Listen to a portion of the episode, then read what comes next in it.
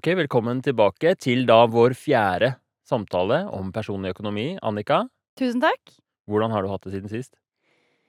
Jeg har eh, hatt det bra. Det har vært litt sånn travelt, eh, mye greier på jobb og mm, premiere på ny serie, så mye sånn promoteringsgreier og litt sånn Men litt sånn action, da. Så Litt det har sånn vært litt gøy. Det er forholdsvis vanlig for deg at det er sånne perioder med mye action.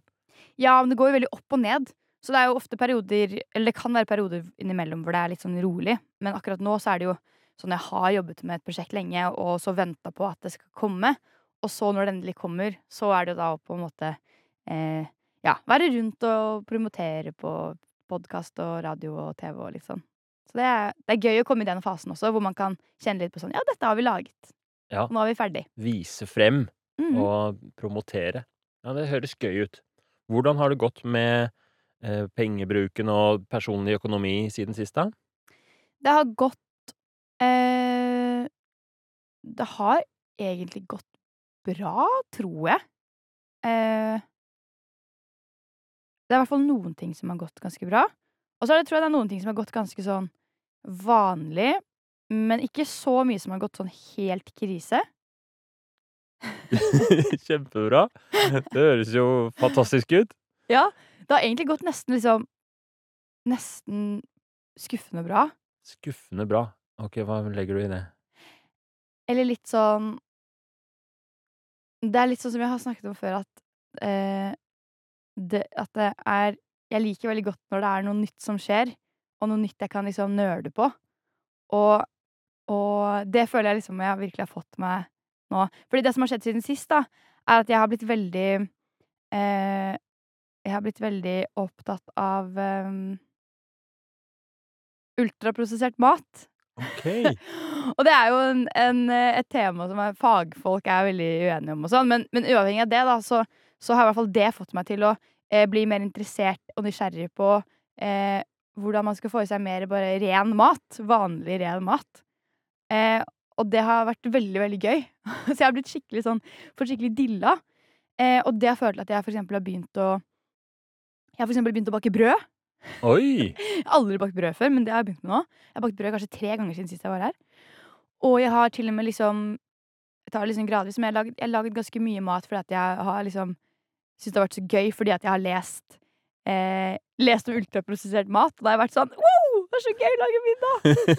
eh, og jeg har til og med liksom eh, Her om dagen lagde jeg mitt eget syltetøy. For å ha på mitt eget brød som jeg har laget. Wow. Så det er veldig bra. Men eh, det er på en måte både bra og litt sånn åh, Fordi dette er en sånn ting som Jeg kjenner igjen dette mønsteret, på en måte, og jeg vet at dette kommer til å eh, gå over.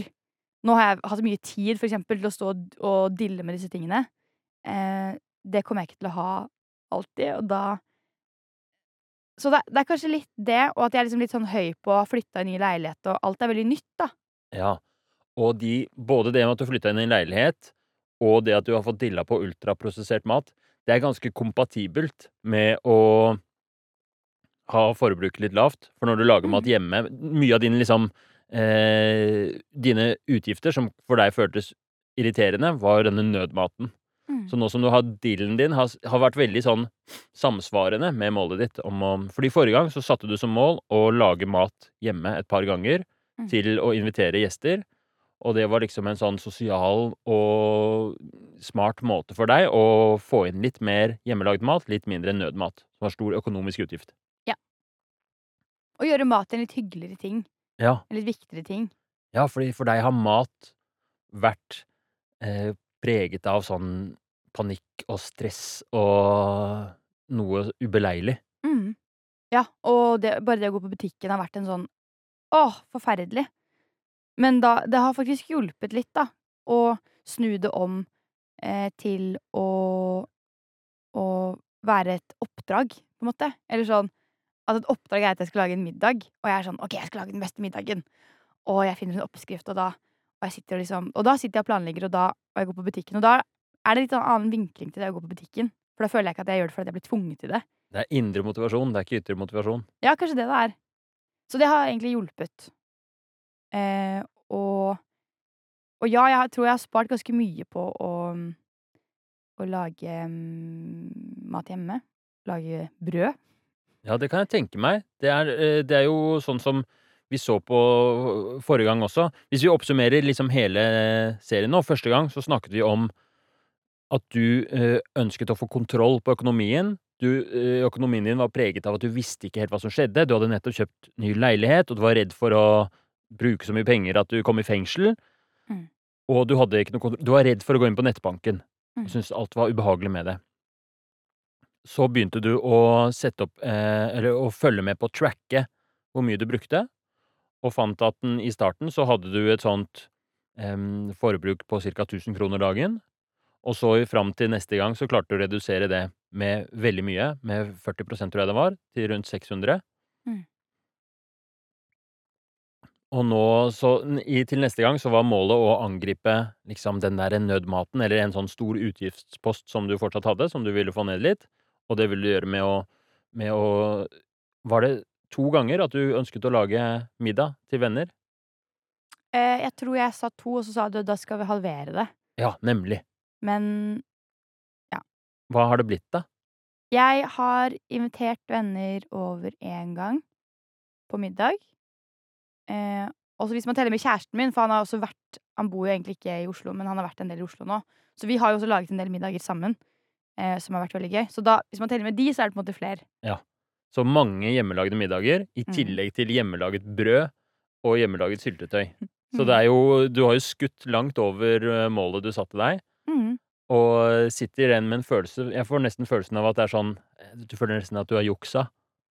At det har gått så bra at eh, det er for godt til å være sant, nesten. Ja, nesten litt. Og jeg, det er veldig vanskelig, syns jeg, å skille på eh, Å klare å se sånn OK, har jeg klart å legge til meg en ny vane? Eller er dette en bra Jeg er bare i en bra periode? Eh, og nå blir det snart høst, og det blir snart eh, enda mer travelt på jobb, og eh, ja.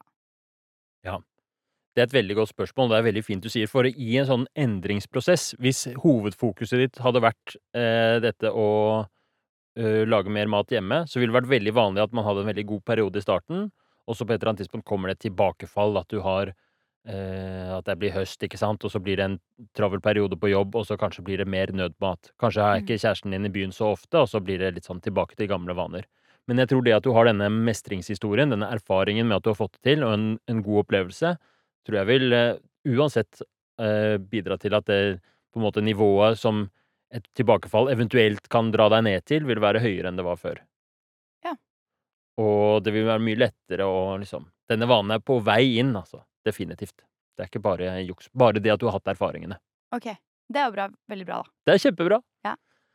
Så spørsmålet er litt nå hva Altså, du har øh, fått til altså veldig Det er veldig viktige ting du har fått til, da. Det med å få kontroll på det, liksom, det dag, de daglige løpende utgiftene, og det med å ta et spesifikt grep for en måte å redusere utgiftene dine. Mm. Som også har andre positive virkninger, da. Dette med ultraprosessert mat, at det blir sunnere mat. Og det har vært sosialt og hyggelig.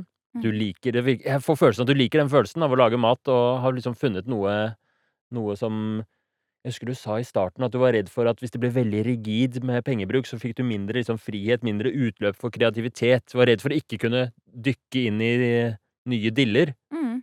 Men det virker som du har klart å kombinere det veldig bra, da. Mm, ja. At, at du både har dillen og har eh, nådd målene dine, liksom. Åh, det er egentlig den perfekte dillen.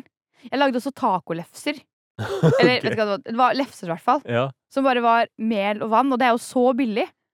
Og, og sikkert sunnere. Og, og det var veldig gøy. Og det er så mange sånne ting som man kan gjøre.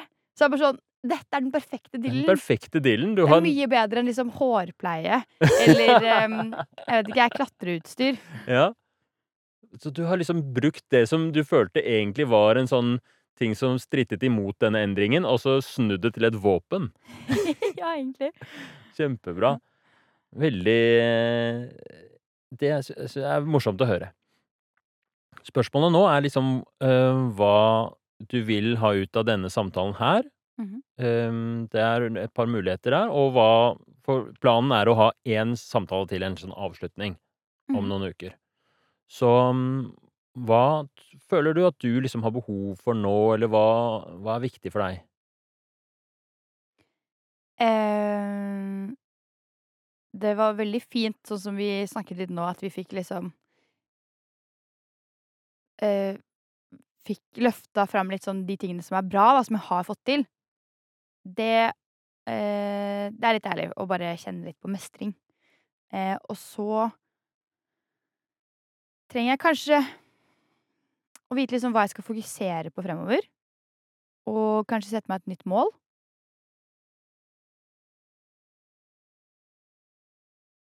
Ja. Det høres veldig bra ut. Så Og så synes jeg Ja, nei. Fortsett. Nei, fortsett du òg. Hva var det du syns et eller annet? Nei, jeg tenkte på eh, det vi var litt inne på sist, hvor jeg følte vi liksom eh, på en måte nesten oppdaget et nytt lag til hele denne greia. Som er at det, det å for meg få kontroll på økonomi er ikke bare liksom å ha kontroll på økonomi, men det at det henger så utrolig sammen med flere andre ting, da. For eksempel hvordan jeg har det hjemme. Hvordan det ser ut, hvordan jeg klarte å holde det ryddig og rent hjemme. Og også liksom sosialt. Og det, det har jeg også merka veldig siden sist eh, jeg var her. Fordi jeg har jo også nå Både fordi jeg har invitert venner på besøk. Det er sånn som jeg typisk er dårlig på. Dårlig på å gå ut og gjøre ting, så jeg blir sittende mye inne.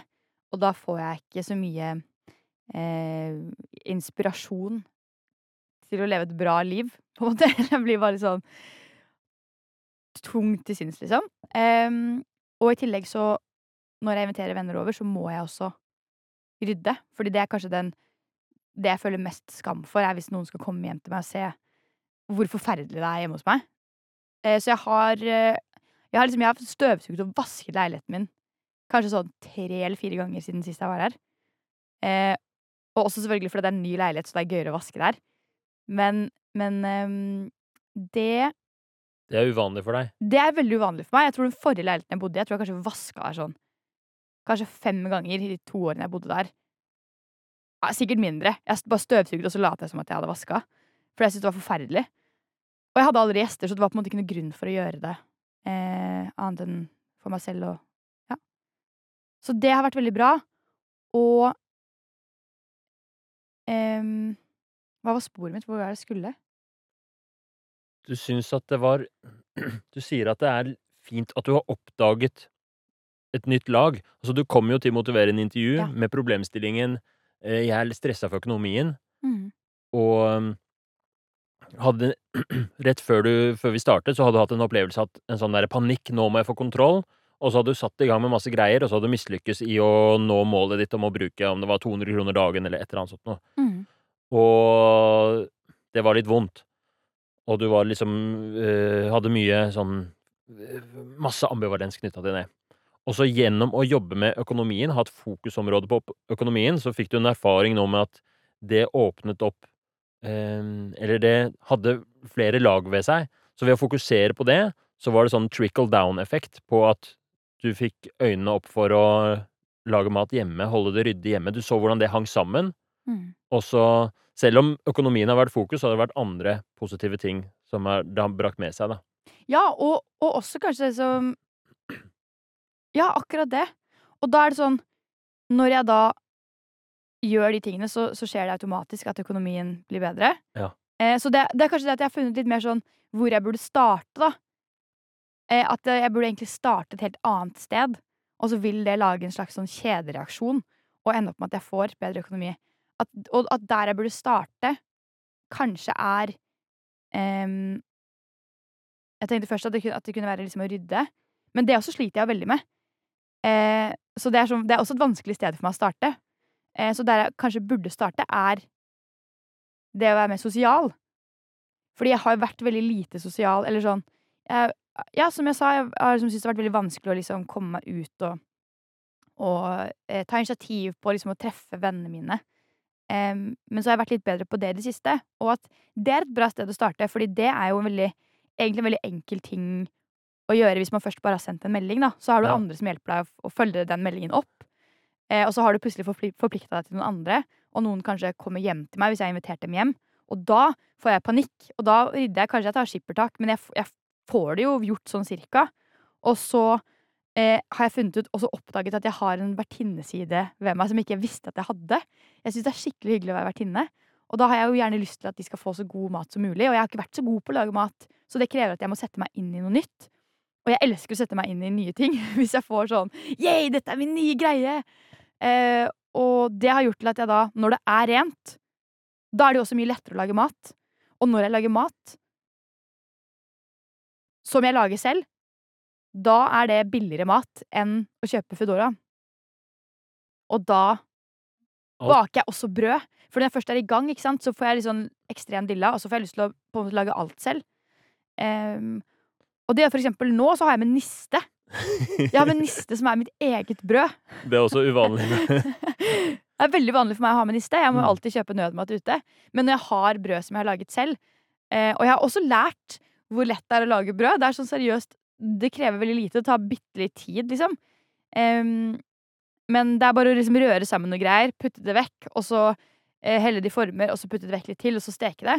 Så jeg kan til og med lage brød liksom, til frokost. Hvis jeg er liksom 'Å, i dag har jeg ikke brød'. Ja, ja, men ok, men da slenger jeg sammen et brød. Så har Det har jeg gjort, men nå har jeg også hatt tid til det, da. Men, men jeg har på en måte skjønt, lært meg hvor lett det er. Ja.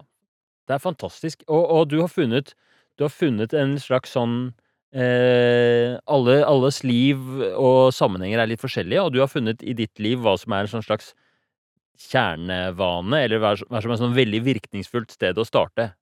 Og det Mm. var på det med å For deg, det å sende en melding og invitere noen på middag, det har masse positive ringvirkninger for hvor du rydder deg hjemme, og økonomien din, og hvordan du Du nevner så vidt mellom linjene ditt at det gjør at du er mindre tung til sinns også. Mm. Og, og det har liksom løsnet opp. Nå har du funnet fram din eh, vertinne, indre vertinne, som elsker å bake brød og og, og så har du kombinert med den der evnen din og gleden din over å sette deg inn i nye ting, og så har du hatt dilla på ultraprosessert mat òg. Mm. Nå er du en person som har med niste på jobb og bruker mye mindre penger. Ja. Og veien dit, det er det som er Det er veldig Jeg liker godt dette, for det er veldig sånn typisk for sånne motiverende intervjuforløp. For i motsetning til andre forløp, hvor, hvor, hvor man liksom følger La oss si at eh, du kom med et ønske om å få bedre økonomi, og så hadde vi kommet med masse råd, da, ikke sant? og da må du gjøre sånn, sånn, sånn, sånn, sånn.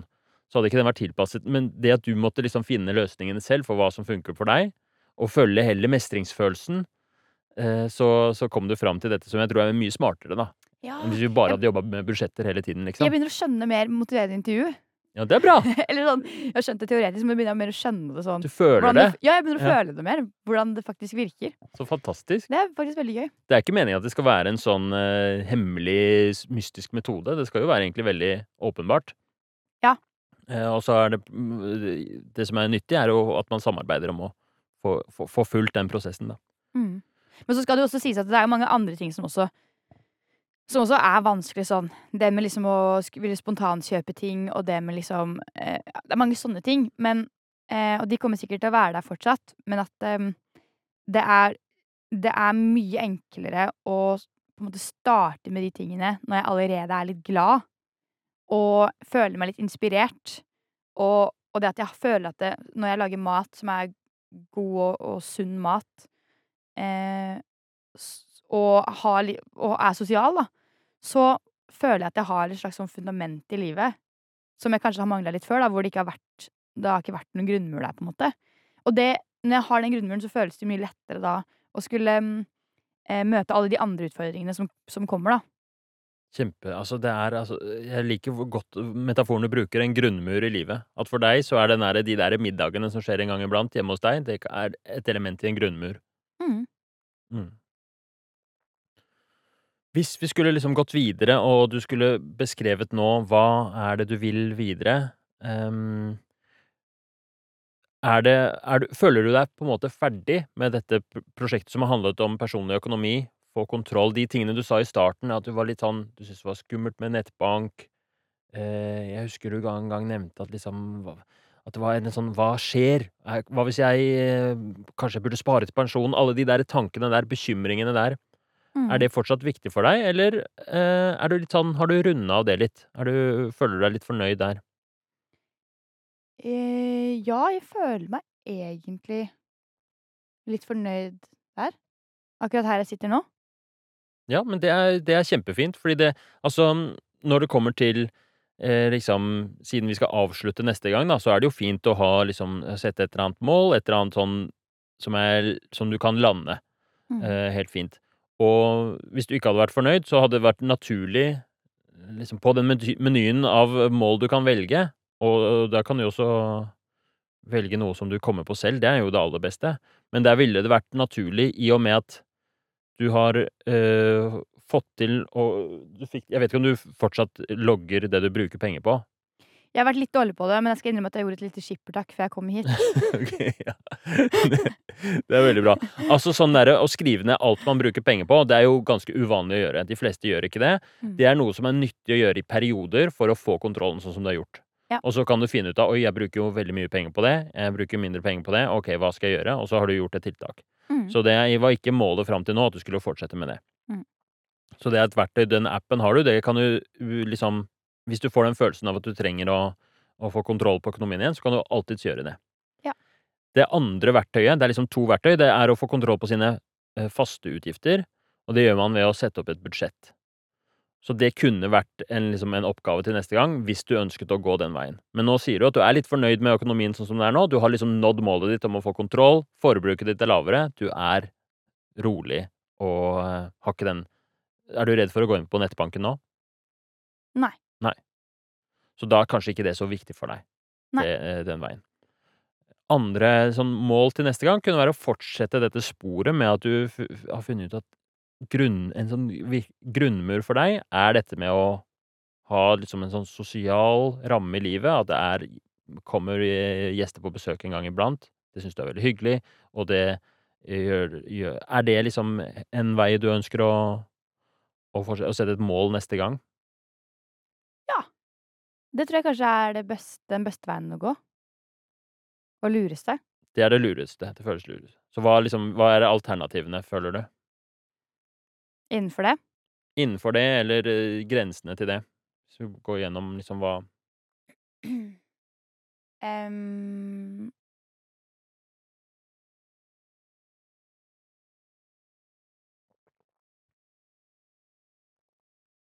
Altså, det kunne jo vært for eksempel sånn som jeg hadde det litt til i dag, at jeg skal invitere eh, At jeg skal invitere venner hjem til meg så og så mange ganger. Um,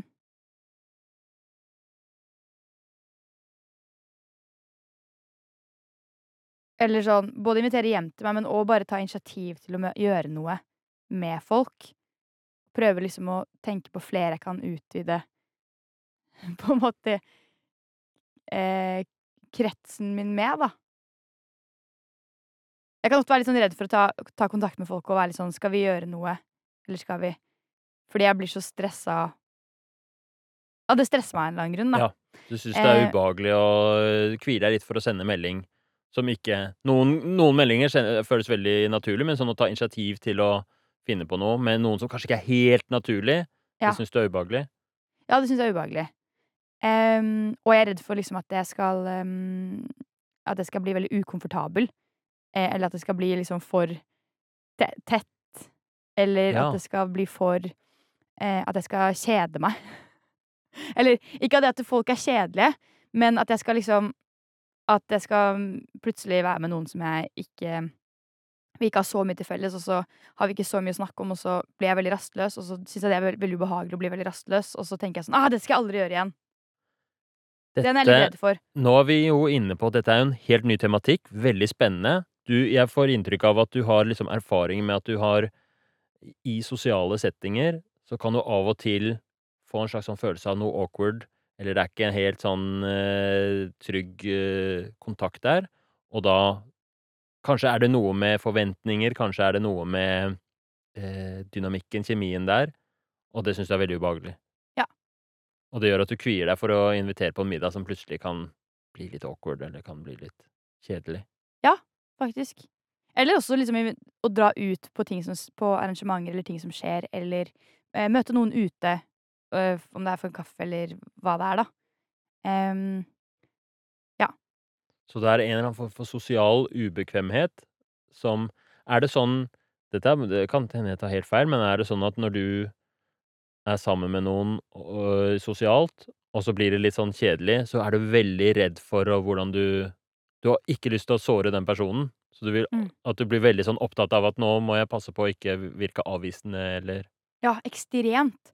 Og da blir jeg ekstremt selvbevisst, og jeg sitter bare og er sånn OK, hvordan ser jeg ut nå? Hvor skal jeg se? Skal jeg se på Skal jeg ha øyekontakt, eller skal jeg se vekk? Og skal jeg ha hendene? Skal jeg, nå må jeg sitte med kroppen riktig, og så skal jeg svare. Hvor mye skal jeg svare? Skal jeg liksom si, svare mens de snakker, eller skal jeg vente? Og hva skal jeg si tilbake? Og nå ble det sagt noe, men faen, nå er det for seint å si det. Og nå har jeg kanskje snakka for mye? Har jeg snakka for lite? Så ble jeg sittende, da. Og det er jo veldig stressende og ubehagelig. Kjempeslitsomt. Ja. Og eh, jeg tror det er ganske vanlig. Jeg tror mange kan kjenne seg igjen i den eh, Noen kan kanskje ikke kjenne seg igjen. Det er noen som er sånn sosial Alt som er gøy, det er så- deilig å prate med folk, liksom. Mm. Men med en gang man havner i det der du forteller om, den derre at man eh, tar på seg en maske, blir selvbevisst og opptrer istedenfor å bare være til stede og jazze Mm. og, og, og være nysgjerrig eller å være sånn, da blir det veldig slitsomt. Og, bli, og du du bruker ord som at det er ubehagelig. Og. Du ser på kroppsspråket også at du blir sånn øh. Mm. Dette her er jo en sånn problemstilling man kunne jo gjort en ny serie på mange episoder på. Mm. Um, men jeg tror vi, i og med at planen er at vi skal ha én episode til, og at vi nærmer oss litt eh, siste del av denne samtalen, mm. så kanskje vi skal bruke det, det her som et utgangspunkt sånn Hva kunne vært en sånn veldig enkelt første steg, eller noe som du tenker er eh, konstruktivt å sette et mål om til neste gang, da?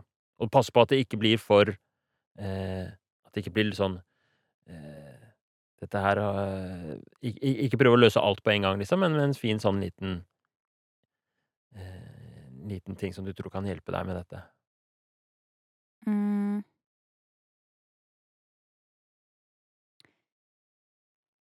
Jeg tror vet, det er liksom noe med det derre at jeg blir redd for å gjøre det, for jeg føler at hvis det ikke går akkurat sånn som jeg har Hvis det ikke blir akkurat sånn som jeg har sett for meg, så er det på en måte mislykket, og da vil jeg aldri gjøre det igjen. Så kanskje å liksom utfordre meg litt, men men at utfordringen er mer det at jeg liksom skal tåle det også, hvis jeg blir ukomfortabel, da. Eller sånn fordi jeg jeg jeg føler da liksom sånn hvis jeg skal droppe å gjøre alt jeg syns er ukomfortabelt, så ville jeg bare sittet inne. Ville jo ikke møtt noen mennesker. Men så er det noen ganger det at jeg plutselig blir overraska, plutselig så blir det hyggelig likevel. Eller at noen ganger så kanskje man må være litt flere ganger sammen med noen personer før man blir såpass kjent at eh, at det er mer sånn avslappa. Um, Gir veldig mening.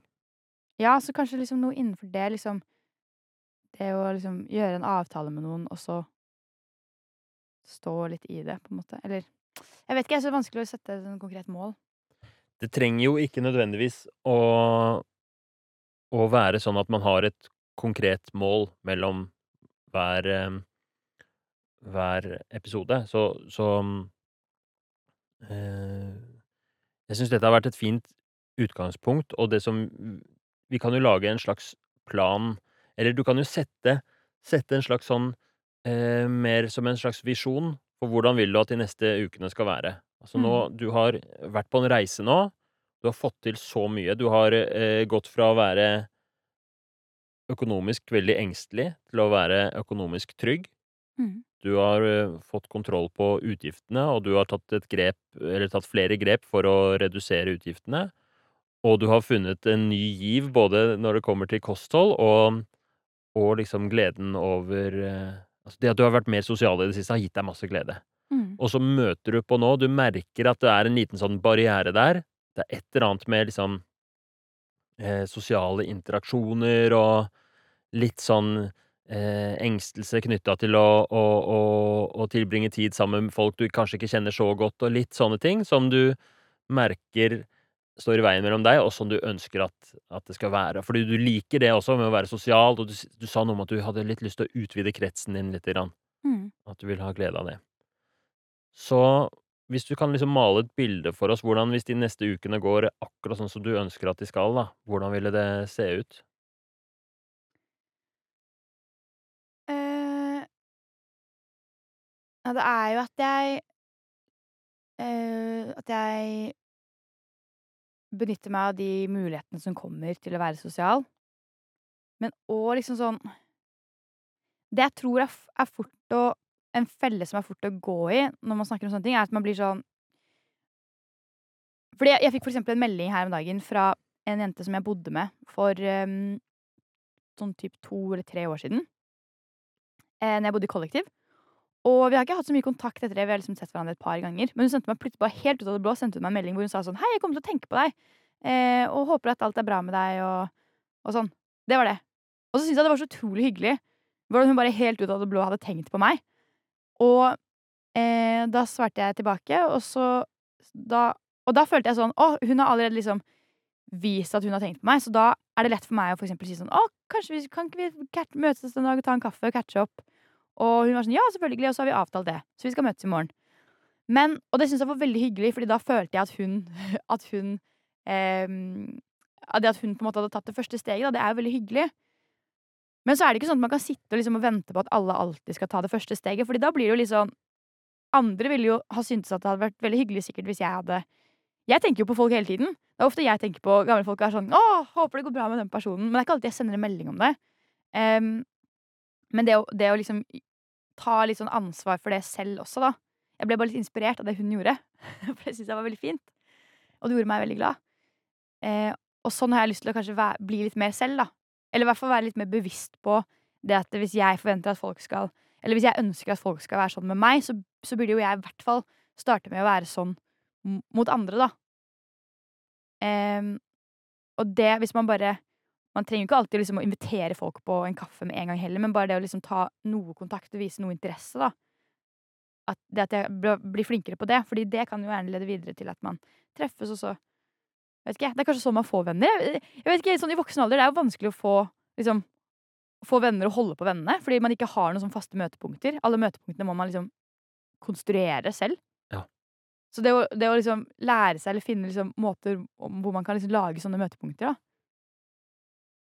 Det synes, det gir veldig mening. Og det du sier, du ble inspirert av en venninne som gjorde akkurat det som kanskje, eh, trengs i et voksent, moderne samfunn, hvor det ikke er disse faste møtepunktene. Det er ikke sånn man, eh, møtes på skolen, øh, hver dag, liksom. Eller man har jo de kollegaene som man møter på jobb, men det er ikke den derre eh, Jeg syns det ordet faste møtepunkter var veldig godt beskrevet, og du ble litt inspirert, og du ser for deg noe liksom og kanskje at du også kan bidra litt til det, da. Mhm. Du har lyst på mer av det i livet, og så ser du for deg da kanskje at du også noen ganger er den som hvis du tenker på en person i løpet av de neste ukene, kanskje du sender en melding. Mm. Og også det vi snakket om i stad, det med at du kan synes det er veldig ubehagelig, eh, handler handler det noe også om at Jeg bare har en mistanke. Handler det noe om at du synes det er vanskelig å sette grenser? Hvis eh, eller du eh, fordi noen er sånn, eh, hvis du sender en melding 'Hei, hvordan går det?' Og så 'Ja, ja, skal vi har du lyst til å være med på, eh, et eller annet som du syns er veldig uinteressant', da, ikke sant? Mhm. 'Skal vi ta en ni ni nitimers, eh, tolvretters middag hos meg, bare oss to?' Et eller annet så, sånt som du syns hadde vært Jeg vet ikke om det var et dårlig eksempel. Jo. Og så se eh, s ehm, for veldig ofte så er sånn, eh, sosialt ubehag Jeg vil ikke kalle det sosial angst, fordi det er noe annet. Det er liksom mm. Men sånn, det er fundert i at man strever litt med å sette grenser. Hva tenker du om det? Ja, det kan godt være det er noe i det. Og også det det at jeg kan synes det hvis det blir veldig voldsomt, veldig mye, eller hvis det for eksempel er sånn, eh, at man liksom skal sitte over en lang middag hjemme, bare to stykker, da er det liksom det kan føles veldig intenst. Ehm men da syns jeg ja, det ville jeg synes var vanskelig å liksom si nei nei til, men jeg ville òg synes det hadde vært enda vanskeligere å si ja. Um, så ja, det er kanskje noe i det, hvis det handler litt om det samme. Det tror jeg. Jeg tror det var det var akkurat det som jeg som du formulerte på en enda bedre måte. Det er den derre at det fort kan dukke opp noen sånne forventninger, og det kan bli sånn og og og og det syns du er vanskelig. Den derre Ja. Så la oss si du kommer på en person, og lurer på hvordan det går med den personen, og så inviterer den personen deg på en middag, og så er det sånn «Ah, det har jeg ikke lyst til, men jeg har heller ikke lyst til å si nei.' Ja. Og så Og det blir liksom for intenst for fort, for da, Ja. da kan jeg føle meg litt sånn ah! Da får jeg lyst til å løpe Mm. vekk. Så det er jo det med å, å kanskje få til å liksom ta det litt i små porsjoner. Eh, og, og det jeg tror også Fordi jeg kan ofte være litt sånn at jeg tenker litt sånn svart-hvitt. At jeg- Og det kan jeg også gjøre med, med mennesker. da At jeg kan tenke sånn Enten så er vi perfekt match, eller så er vi ikke en perfekt match. Og da er det ikke visst at vi er venner. Og da kan jeg bli litt sånn at hvis jeg føler at uh, vi, vi har et møte, og det blir litt mye og, og sånn, så jeg er sånn Nei, dette er ikke min type person. ja. Søren, det var ikke det mitt da var ikke det min venn heller. Ja, Ja. ja, bort med den. Um, men jeg tror sånn Kanskje det å liksom ta det i litt mindre porsjoner. eh, At for eksempel møtene er kortere. Det er ikke så store forpliktelser, da. For eksempel det å ta en kort kaffe hvor man bare får liksom snakket litt, eller vet ikke, et eller annet annet man liker, som ikke er så mye. Så er det kanskje lettere å å se litt forbi det at ja, ja, ok, vi er kanskje ikke like på alt, men det var hyggelig å bare catche opp litt, og det, ble, det føltes ikke så overveldende, da. Og så kan man gjøre det litt og litt, og så tror jeg jo òg Altså veldig mange av de menneskene jeg er mest glad i og har vært, har vært mest glad i gjennom livet, er jo ikke mennesker som er like meg. Jeg syns egentlig det er kjempegøy at folk er veldig annerledes enn meg selv. Eh, så jeg, jeg må jo ikke forkaste folk på grunn Ja. av det. Jeg må bare bruke mer tid på å komme liksom mer sånn i dybden på folk, for da er jo alle mennesker veldig interessante. Kjempebra, men det krever at du på en eller annen måte regulerer litt sånn Bruker mye rare ord, da, men regulerer intensiteten i starten, liksom. Ja, At, faktisk. at for at det skal bli komfortabel og noe i det for deg også, så må det være må det, Så da liker du litt sånn korte, kanskje, og at man tar det litt gradvis. Korte mm. samtaler.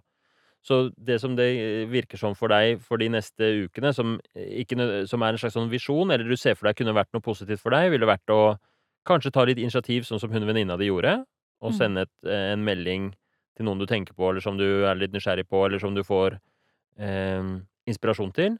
Men også kanskje det å, å ta litt kontroll over hvordan hvordan, eh, hvordan ditt sosiale liv skal være. Da. Hva slags, hva, hvilke ting man gjør. Så hvis noen Mm.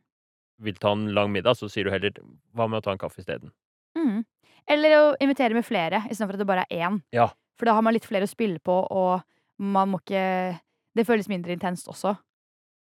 Eh, og så tror jeg og sånn som jeg Som er sånn kjedelig ting å, å innse, eller innrømme, men det er jo det at når, når, eh, når jeg er mer sosial, og det skjer mye, så blir jeg jo flinkere sosialt.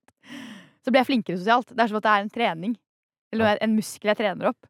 Og når jeg gjør det mye, så Ja, så blir jeg trent, og da er det mindre ukomfortabelt også. Ja, fordi da har du Det er et eller annet med at da er du vant til det, og da, da den der følelsen 'Å nei, nå må jeg være sånn og sånn', den slipper litt, fordi du har mer å spille på, eller du er bare mer rusta. Ja, så er kanskje det å få litt sånn mengdetrening, da. Litt sånn som hvis man skal komme i form, i fy god fysisk form, så er det dumt å skulle starte på en sånn derre ti timers eh, lang fjelltur eller en sånn og løpe en mil. Det blir liksom for mye, da. Men heller liksom finne Kanskje finne liksom noen treningsformer man liker også. Eller gå en kort tur, da. Starte med det. Og så kan man heller gå flere korte turer, og så kan man Plutselig så er du på på, det fjellet Plutselig er du på et fjell. Ja. Ti timers fjell. Herlig. Skal vi eh, oppsummere litt hva du sitter igjen med nå? Hva, hva sitter du igjen med fra samtalen, og hva, mm, eh, hva er planen til neste gang? Eh, jeg sitter igjen med mm, Det føles jo litt rart, for jeg føler at nå er jeg veldig ærlig. Det, men det føler jeg er bra. Og jeg har tenkt sånn jeg skal, Om det tar en litt annen, sånn som det nå endte om å ta en litt annen retning, så skal jeg liksom helt, prøve å være helt ærlig med hva jeg faktisk føler. Eh, så det er jeg fornøyd med. Og jeg tror det er et veldig riktig spor. Jeg kjenner liksom at det er sånn at vi på en måte har gravd liksom flere lag, og så kommer man dypere og dypere, og så nærmer man seg en eller annen slags kjerne, nesten. Um, og så spurte du om hva jeg skulle fokusere på fremover. Mm, Hva vil du? Det, det, det er ikke noe sånn, Du må ikke tenke at du får noen lekser, egentlig, men hva er det du håper at skjer fram til neste gang? ja, det er jo kanskje litt det å få litt sånn rolig mengdetrening. Eh, og heller ha liksom flere korte greier enn at det skjer plutselig én ting som er sosial, og så får jeg helt packeren, for jeg er sånn ah, Hva om dette ikke går perfekt? Da er jeg mislykka! Eh, så prøve å liksom nyansere det litt for meg selv. Eh, og treffe liksom Prøve liksom å treffe noen flere folk enn de jeg De liksom 3-4 menneskene jeg har truffet de siste ukene. Eller sånn Ja, utvide det litt, da. Kjempefint. Jeg blir veldig Jeg syns dette gikk Det du sa med at du var Du fulgte liksom Du var ærlig, fulgte hva du følte var naturlig, det bidro til at dette ble en veldig spennende eh, samtale, syns jeg, og kom fram til det som noe som er viktig for deg, da. Mm. Og jeg er veldig spent på eh, hvordan det går til neste gang. Da setter vi opp en ny samtale, og så starter vi den samtalen med at du oppsummerer litt hvordan det har gått, og om du har noen tanker, og så lander vi liksom hele prosjektet, da. Perfekt. Og så er det perfekt tid å gjøre dette nå, fordi at jeg allerede er litt sånn eh, i en sånn veldig sånn inspirert eh, periode av livet mitt. Jeg er veldig på, på en sånn woho! Fantastisk. Eh, fordi at Ja, jeg har laget så mye det. mat. Ja, ja, men du merker Altså, det er jeg, Det smitter jo veldig, sånn inspirasjon. Jeg satt jo her og Ja. fikk lyst til å bake brød, jeg òg. Jeg kan sende deg en oppskrift. Det er superenkel oppskrift. Ja, herlig. Men, eh, men ja, det å bruke liksom det momentumet, da. Eh, fordi det er ikke sikkert jeg kommer til å ha det samme liksom det samme momentumet om kanskje tre, to uker eller tre uker. Så det å, å bare bruke det litt nå, så, så tror jeg det er veldig lurt. Det tror jeg òg. Herlig. Tusen takk for i dag, og så ses vi om et par ukers tid. Selv takk.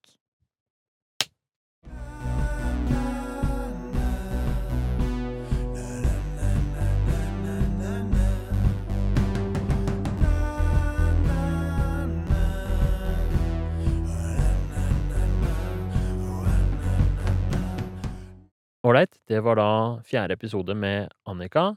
Jeg syns dette har vært veldig interessant hvordan dette, denne motiverende intervjuserien starta med et ønske om at hun ville få kontroll på sin personlige økonomi, og så lykkes hun med det, og så har det endt opp med at nå har hun fått et annet fokus som hun ønsker å jobbe med til neste gang. Og det er egentlig veldig typisk for hvordan eh, sånne motiverende intervjuer eh, ender med å fungere. Det har skjedd veldig mange ganger, både i podkasten, men også i forskjellige praksiser som jeg har hatt, eh, enten jeg har jobba på fastlegekontor, på sykehus eller sykehjem.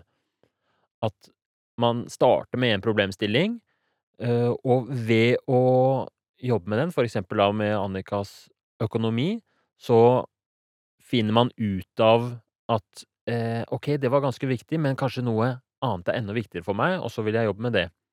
Og det som skjer, er jo at ved å klare å eh, utforske en eller annen problemstilling, utforske ambivalens knytta til det, som vi gjør et motiverende intervju, sette et eller annet lett oppnåelig mål, og få til det, så får man mestringsfølelse. Og den mestringsfølelsen, den er veldig motiverende. Den gir en sånn følelse av oi, dette, hvis jeg kan få til det, hva annet kan jeg få til? Og så begynner man nesten sånn automatisk å lete etter «Øh, wow, da kan jeg jo kanskje få til det, da kan jeg kanskje få til det. Så derfor så vil en pasient som har klart å slutte å røyke, plutselig få lyst til å gjøre noe med kostholdet sitt. Eller en pasient som eh, Jeg husker jeg hadde en eh, Jeg var, jeg var på et sykehjem og jobbet med en eh, ganske ung til å være på innlagt på fast plass på sykehjem, 50 år gammel dame som sleit med voldsomt med schizofreni, psykiske lidelser, enorm overvekt. Hadde et helt sånn hårreisende kosthold bestående av Altså, var reint sukker inn hele tiden. Voldsom diabetes, høyt blodtrykk. Alt var galt. Kjempeforferdelig situasjon. Og vi hadde motiverende intervju, og hun ville jo ikke snakke om noe. Det var voldsom motstand og kommunikasjonsproblemer også, på grunn av at hun hadde stadig vrangforestillinger og sånt noe. Men vi endte med å få til å ha en samtale om at hun ville gjerne få mer piano inn i livet sitt. Hun hadde et piano i, på det rommet sitt der på sykehjemmet, og så hadde vi faktisk motiverende intervju om det og oppfølging og sånt. Og kanskje vi skal spille piano. Mål om å spille piano én gang fram til neste uke.